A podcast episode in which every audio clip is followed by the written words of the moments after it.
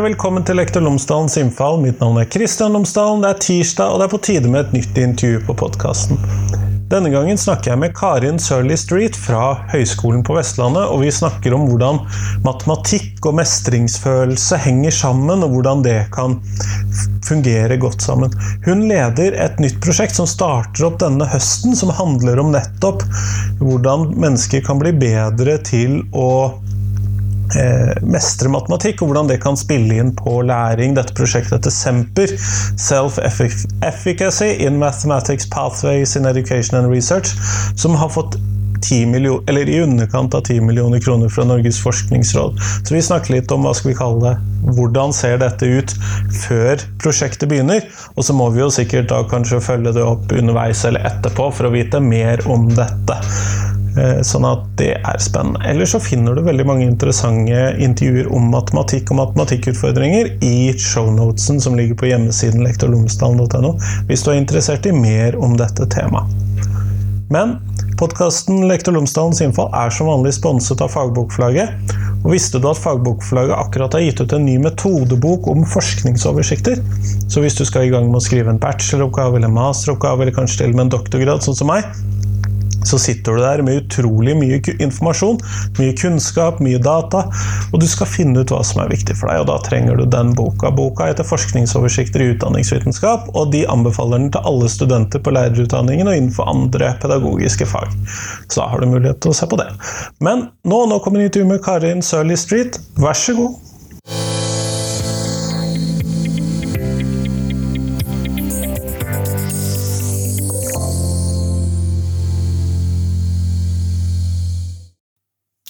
Karin Street, tusen takk for at du har tatt deg tid til meg i dag. Tusen takk for eh, invitasjonen. Hyggelig å være her. Før vi kommer sånn ordentlig i gang, så hadde jeg håpet at du kunne fortelle lytterne mine tre ting om deg selv, sånn at de kan få bli litt bedre kjent med deg. Ok, da tenker jeg vi kan være ganske kort. Jeg er veldig glad i friluftsliv og være ute og på fjellet, på ski eller eh, tidligere klatring. Men da kommer vi over til det neste punktet. Jeg er småbarnsforelder, så da er det ikke alltid det blir så mye av det. men eh, jeg er veldig glad i det. Eh, ellers er jeg veldig glad i å reise og lære språk og sånne ting. Og det er jo også mange grunner til at det kanskje er litt pause på det. Mm. Det tror jeg vi kan finne opptil flere grunner til, da. Men du er i gang, eller skal i gang, med et prosjekt sammen med noen andre som heter Semper. Og da må du nesten fortelle, hva er dette for noe? Ja, det kan jeg gjøre. Så Semper er da kortnavnet. Eh, på engelsk så står det for Self-efficacy in Mathematics og Pathways in Education Research. Og igjen så må man kanskje pakke ut det enda bedre, men eh, vi kan si at bakgrunnen for det her er vel liksom at man tenker at hvis elever først har begynt å tro at de ikke kan lære matematikk, så kan det være fryktelig vanskelig for lærere å overbevise dem om noe annet. Så det er liksom eh, hva skal jeg si, kjernen sagt på en god måte, at det vi ønsker å forske på her, er hva er det som skjer, hvordan eh, Altså, hva slags prosesser er det som fører til at elever får en viss type selvoppfatning eller mestringstro? Nå er vi innenfor matematikk, men det vil jo gjelde for andre fag eller andre domener i livet òg. Og hva er det som skal til eh, for lærerne, altså hva slags tilpasset opplæring er det lærere kan eh, støtte med for forskjellige elever som har forskjellige tanker om seg selv og er på forskjellige nivåer i læring. Det er fryktelig utfordrende og vanskelig kan det være for lærerne. Og dette er jo et litt sånn rart fag, fordi at eh, jeg vet det er veldig få situasjoner i skoleverket hvor det er liksom greit å si at man ikke kan matte, og jeg har jo en identitet som sier at så lenge det ikke handler om penger eller areal, så kan jeg det ikke. ja. Nei, er, matte er jo et fag som ofte blir liksom splittende, sånn elsker eller hater. Altså, noen sier at de kan det, noen sier at de ikke kan det. Det er litt sånn kuriøst. Men, øh, og elever får angst for faget. Uh, samtidig så er det et veldig viktig fag. Det er jo øh, jeg tenker det er viktig at elever får muligheter til å velge karrierevei i fremtiden. Så det er jo viktig både for samfunnet, men ikke minst for elevene. Da.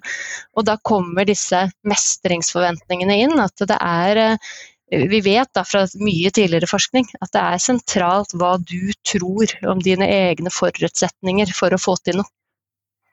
Men hvis vi da ser for oss eh, dette prosjektet, nå er dere jo Dere skal starte opp dette til høsten, men hva er det dere ser for dere at dere skal gjøre for å komme fram til dette? Ja, eh, så vi har jo, Det er jo vanlig i sånne forskningsprosjekt å dele opp i arbeidspakker. I dette prosjektet har vi tre. Og her går vi helt fra grunnforskning og helt ut i skolen. Så i det første eh, arbeidspakken så kan du se for deg at vi forsøker å beskrive det som allerede er. Vi prøver ikke å påvirke noe, vi prøver å bare å forstå. Så da skal vi inn i klasserom. Vi skal følge 14 klasserom på ungdomsskolen. Eh, over eh, læringssekvenser. Se for deg når de blir introdusert for et nytt tema i matematikken. og Da skal vi både ha filming, og så skal elevene fylle ut spørreskjemaet spørreskjema i begynnelsen og slutten av timen. Og det vi spør dem om i begynnelsen av timen, er jo i hvilken grad tror du at du kan lære det dere skal lære i denne timen. Altså fyller vi inn med det temaet, da. Eh, og på slutten av timen spør vi om i hvilken grad de mente at de hadde lært det. I tillegg til en hel del andre ting vi spør om. Men Så vi prøver å rett og slett se for oss en slags profil over tid. Når vi spør om dette mange ganger til de forskjellige elevene, så kan du se for at noen elever kanskje er veldig sånn variable, opp og ned bølgeprofiler, mens noen har veldig sterk tro på seg selv, noen har lav tro på seg selv. Så noen ting er jo mer hensiktsmessig, da kan du se for deg. ikke sant? Så det er det første arbeidspakken, bare å prøve å forstå hva som skjer. Det neste laget vi legger på, er jo da hvor vi fokuserer på interaksjonene som skjer i klasserommet. Da er det spesielt denne videodataen, hvor vi filmer eh, lærere og elever i samhandling over tid. Og når vi da legger på disse to datakildene, så begynner vi kanskje, forhåpentligvis, å kunne si noe om hva slags lærerinteraksjoner, hva slags undervisning da, kort sagt, som kan være nyttig for hvilke elever til hvilket tidspunkt. Hvis lærer gjør dette i første time, hva skjer med elevens selvoppfatninger i time to osv. Så, så det er fryktelig kompliserte greier, men det er kjempespennende å prøve å nøste opp i noe av det her. Og så den tredje arbeidspakken, da skal vi ta denne kunnskapen, og så tar vi det til praksisfeltet. Dette her er et samarbeidsprosjekt hvor vi har skoler i Sunnfjord kommune som er med på laget hele veien. Så da skal vi dele funnene våre med de lærerne som vi har fulgt. Og på en måte først si hva syns du om dette, kan du hjelpe til å forklare dette? Og så spørre ok, se her, her var Christian, her var det et kjempegodt eksempel på noe du gjorde som var veldig bra. Eh, for å prøve å løfte mestringsforventningene til læreren litt òg, og så si kan du gjøre mer av det? Eh, ja, på en måte inspirere og hjelpe litt, og ha noen workshop da, hvor lærerne får diskutere og tenke igjennom forskjellige ting de kan gjøre. Og vi kan bruke vår egen videodata for å eksemplifisere, samtidig som vi kobler det til teori, hvis du ser hva jeg mener. Så det er veldig ja. omfattende og spennende. Dette høres ut som hva skal vi kalle det, god gammeldags klasseromsforskning eh, ja, ja. på mange måter? Ja, absolutt. Eh. Og da må jeg nesten spørre, det er muligens det er stipendiaten i meg som uh, lurer. Disse her sekvensene med læreren i arbeidspakke 3, skal dere da mm. forske på de også, eller er det da mer en sånn uh, bidrag ut uh, og bare et bidrag ut, hvis vi kan si bare om det? Jeg skjønner hva du mener. Ja, nei, det er en mini-intervensjon, så vi skal forske på det òg, men rammene for prosjektet Vi slipper opp for penger og tid, så det er mer en utprøving enn en fullskala intervensjon. Men etter de eh, workshopene hvor lærerne har fått diskutert og prøve ting, så skal vi samle inn litt data og gjøre noen intervjuer for å få en indikasjon da, på om denne intervensjonen vi hadde var positiv, og noe man kan bygge videre på. Så det er begge deler, både å gi noe tilbake, men absolutt også for å forske på, ja. Men noen ting som er litt sånn spesielt med matematikkfaget, er jo dette her at i hvert fall slik jeg har oppfattet det, så har det ofte vært to streker under svaret, og det er svaret mer en prosess som kanskje har vært viktig. Hvordan ser du på det i dette? Ja, Det er jo en sånn eh, Jeg tror det er noe man ønsker å komme seg bort fra da, i matematikkfaget. ikke sant? At det er mange sånne misoppfatninger om hva matematikk er eller skal være. Eh, og, det kan jo kanskje virke litt lite engasjerende òg, hvis det bare er en sånn lære seg noen prosedyrer og pugging. Så jeg ser jo det er jo mye forskning og nye, mye praksis som prøver å bevege seg bort fra det, og inn i en litt mer sånn eh, oppdagelse og problemløsning og sånn. Jeg tror jeg kan hvis jeg skal si noe om det Jeg er jo ikke, jeg si, jeg er jo ikke matematiker eller matematikkdidaktiker av bakgrunn. Jeg er mer generelt eh, fra pedagogikken og sånn, så jeg har jo fått lære masse. Eh, for min, min ph.d. var jo på mestringsforventninger i matematikk, så jeg fikk lære mye da òg. Men jeg tenker jo at eh, man har mange mål i et klasserom og i en matematikktime. Man skal både lære kompetanse, men man skal også tenke på hva slags eh, selvoppfatninger eksempel, og motivasjon eleven utvikler. I mine øyne så er den siste enda viktigere. For selv om du i femte trinn ikke scorer bra på nasjonale prøver f.eks., hvis du har en positiv opplevelse og tanke om deg selv og ditt forhold til matematikken, så vil du kunne lære det. Men selv om du er kjempegod i matte, men har lave mestringsforventninger, så vil jo det ikke slå så bra ut. Så, så tilbake til det her, denne utforsking og sånt, det tror jeg kan være veldig viktig, spesielt med tanke på selvoppfatninger, motivasjon og sånne ting. Mens av og til så krever det jo en del sånn drilling og pugging for å øke kompetansen. Så det er ikke motsetninger, det spørs hvor du er og hva formålet er med undervisningen. Det var mitt lange svar, tror jeg. jo, men det er veldig få for forskningsspørsmål som ikke krever ganske lange svar, for dette er jo kompliserte ja ting. Men ser du noe som skiller mestrings... mulighetene for mestringsfølelse i matematikkfaget fra andre fag? Som, er det noe som skiller dette fra andre fag så, i så måte? Hei, ja, det er et godt spørsmål. Det, det, er jo helt sikkert noe som skiller. Er mye likt òg, men jeg tenker noe som er kanskje problematisk, eller noe som gjør at det kan være utfordrende i matematikken, er dette spiralprinsippet. Du bygger jo hele tiden på ting du har lært fra før.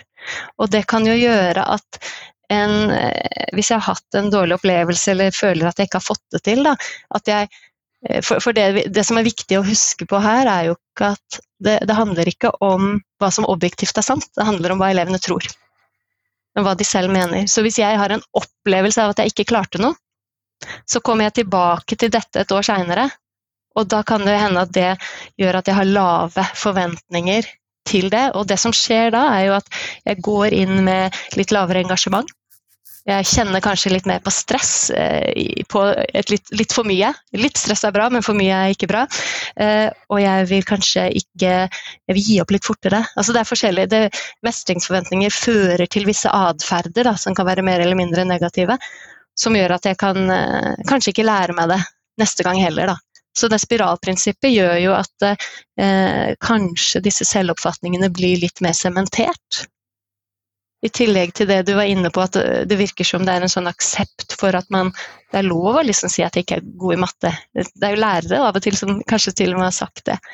Og det, det sender jo noen signaler om at dette her er eh, Enten så er du født med den, med den evnen eller ikke. Ja, det vil jo gjøre det. Hvis vi, får, hvis vi, legger opp til en skole hvor man må være medfødt matematikkspesialist, så eh, tror jeg ikke vi kommer så langt i å lære stadig flere mer matematikk, i hvert fall. Nei, det går jo mot alt eh, vi tror, egentlig. Eh, ikke sant? Men eh, som du nevnte, det, alt er fryktelig komplisert, så dette henger fryktelig Eh, tett sammen med eh, en forsker som heter Carol Dweck, har forsket på eh, meaning systems, eller oppfatninger om intelligens, eller oppfatninger om evner. Så, så, hvis man, og det, kort sagt, forskjellige mennesker kan ha forskjellige oppfatninger av om intelligens er mer medfødt, eller om det er noe man kan trene opp. Og du kan jo se for deg at hvis du som person, eller hvis en elev tenker at evner er medfødt, så har det en hel del konsekvenser for hvordan man tar fatt på nye oppgaver, eh, og også for mestringsforventningene. Eh, at hvis du tenker at det her er medfødt, så vil man jo bli redd for å vise feil. For da avslører det at du ikke var god. Eh, og man tenker kanskje at man ikke har så stor kontroll selv til å påvirke sin egen læring. Jeg ser jo det, for jeg har jo lest litt om dette prosjektet deres. Og jeg ser jo det at prosjektet skal gjennomføres på ungdomsskolen. Mm. Er det noen spesiell grunn til at det er der det puttes inn? Ja, eh, absolutt. Man kunne, for å si det kort, vi kunne puttet inn hvor som helst nesten, for det er veldig lite forskning på det her. Det er veldig lite prosessforskning, da, som er det vi driver med, sånn å ha mange målepunkt. Men det er en spesiell tid, for her har vi eh, både visse sånne utviklingstrekk som skjer, at elevenes selvoppfatninger begynner å sementere seg. I min forskning fra før så, så jeg, var jeg inne i sjette trinn og tiende trinn. Og det var mye mer variasjon i sjette trinn enn i tiende trinn. Eh, du kan si at eh, når du kom til tiende, så hadde du på en måte gjort deg opp en mening om hvem du var og hva du kunne. Så det er jo om å gjøre å komme inn litt før det. Eh, så, så det er en interessant tid i den overgangen fra unnskyld, fra, til ungdomsskolen. Og i de årene så skjer det en del utviklingstrekk, samtidig som du kommer inn i skolen hvor det er litt mer normativt fokus med eksamen og sånt. Så det er, ja, sånn sett, det er en del en fase da, som er interessant å se nærmere på. Det kan jeg absolutt se. Eh, er det noen sånne særlige utfordringer for oss å fordi at jeg har jo da lyst til at når dere er ferdig med prosjektet, til å kunne komme tilbake og spørre fant dere ut det dere trodde dere fant ja. ut, men er det noen sånne særlige utfordringer for at vi skal kunne ha den uh, samtalen? For å si det sånn, da. ja, og jeg sa det risikoer i prosjektet. Uh, ja, ja si, jeg, jeg vil jo si de fordelene først, da, det som gjør at jeg går inn med relativt høy mestringstro, er at uh, vi er et samarbeidsprosjekt, og det er helt supert.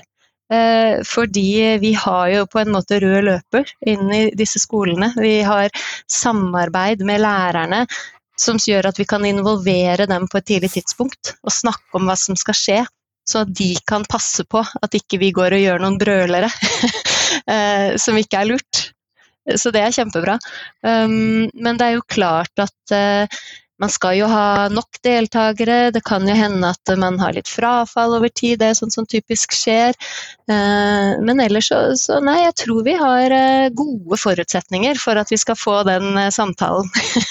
det var ikke noe mer enn hva som er vanlige issues i forskningsprosjekter, med andre ord? Ja, nei, det, det, er ikke det. Eller det er jo, vi har jo en stor mengde videodata. Eh, det er jo utfordrende med GDPR og alt det her. og Det jobber vi veldig mye med på andre områder òg, så vi får veldig god støtte og har eh, ja, gode vurderinger da, i forhold til hva vi kan og skal og hvordan vi skal bruke det.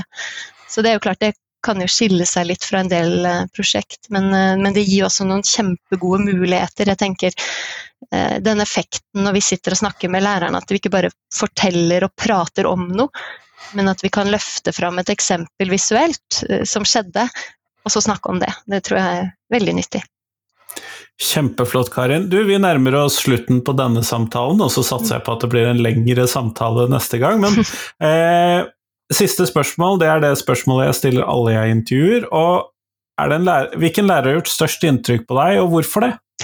Ja, når jeg fikk det spørsmålet, så måtte jeg tenke litt. Og, og da, det jeg tenker på da, og det er jo litt i lys av dette prosjektet òg, det er jo Nilsen. Han var bare Nilsen på videregående.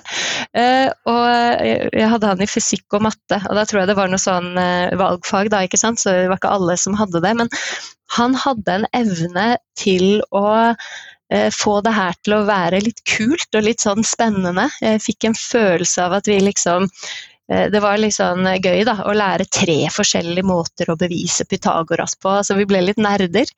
Eh, så nå tenker jeg jo på begreper som det her å kjenne på et fellesskap. At, at det ikke var Matematikken var ikke noe som var eh, forbeholdt de fryktelig flinke sånn der borte, men det var noe vi holdt på med. Vi utforska og jobba med. Og, ja, så, så det var ikke det at han var en sånn hva skal vi si, fryktelig underholdende lærer som bare at gjorde at, at de, Skjønner du hva jeg mener? Men, men, det å selve faget, det faglige fokuset, han klarte å få oss engasjert i det. Og at det var litt kult da, å jobbe sammen med det her. Så det syns jeg jo var veldig bra. Kjempeflott. Tusen takk for at du tok deg tid til meg i dag. Nei, bare hyggelig. Takk for invitasjonen. Jeg ser fram til neste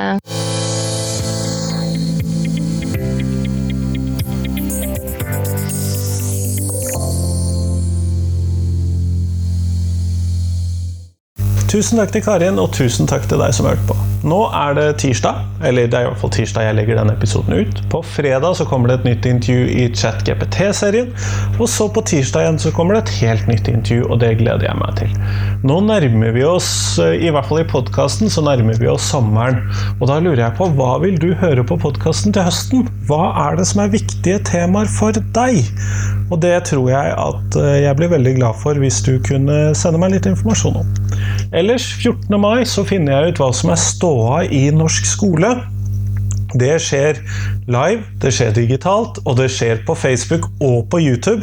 Og hvis du går inn i shownotesen, eller går inn på lektorlomsdalen.no, eller du går inn på Facebook på Lektor Lomsdalen der, eller Facebook-gruppen for Lektor Lomsdalen, så finner du informasjon om det arrangementet. Der får vi med utdanningspolitiske talspersoner fra Høyre og Arbeiderpartiet. Vi får med Simon Malkenes, og vi får med da kommende leder i Lektorstudentene, sånn at dette her blir kjempebra. Sånn at eh, få med deg det. 14. Eh, mai, det skjer digitalt klokka 12 overalt. Det kommer selvfølgelig også å bli lagt ut som en podkastepisode, episode nummer 500, så det gleder jeg meg til. Så gå inn der. Du kan også sende inn spørsmål til panelet allerede, så gå og finn muligheten for å gjøre det på nettsiden, shownotesen osv. Men nå, ha en fin uke. Hei, hei.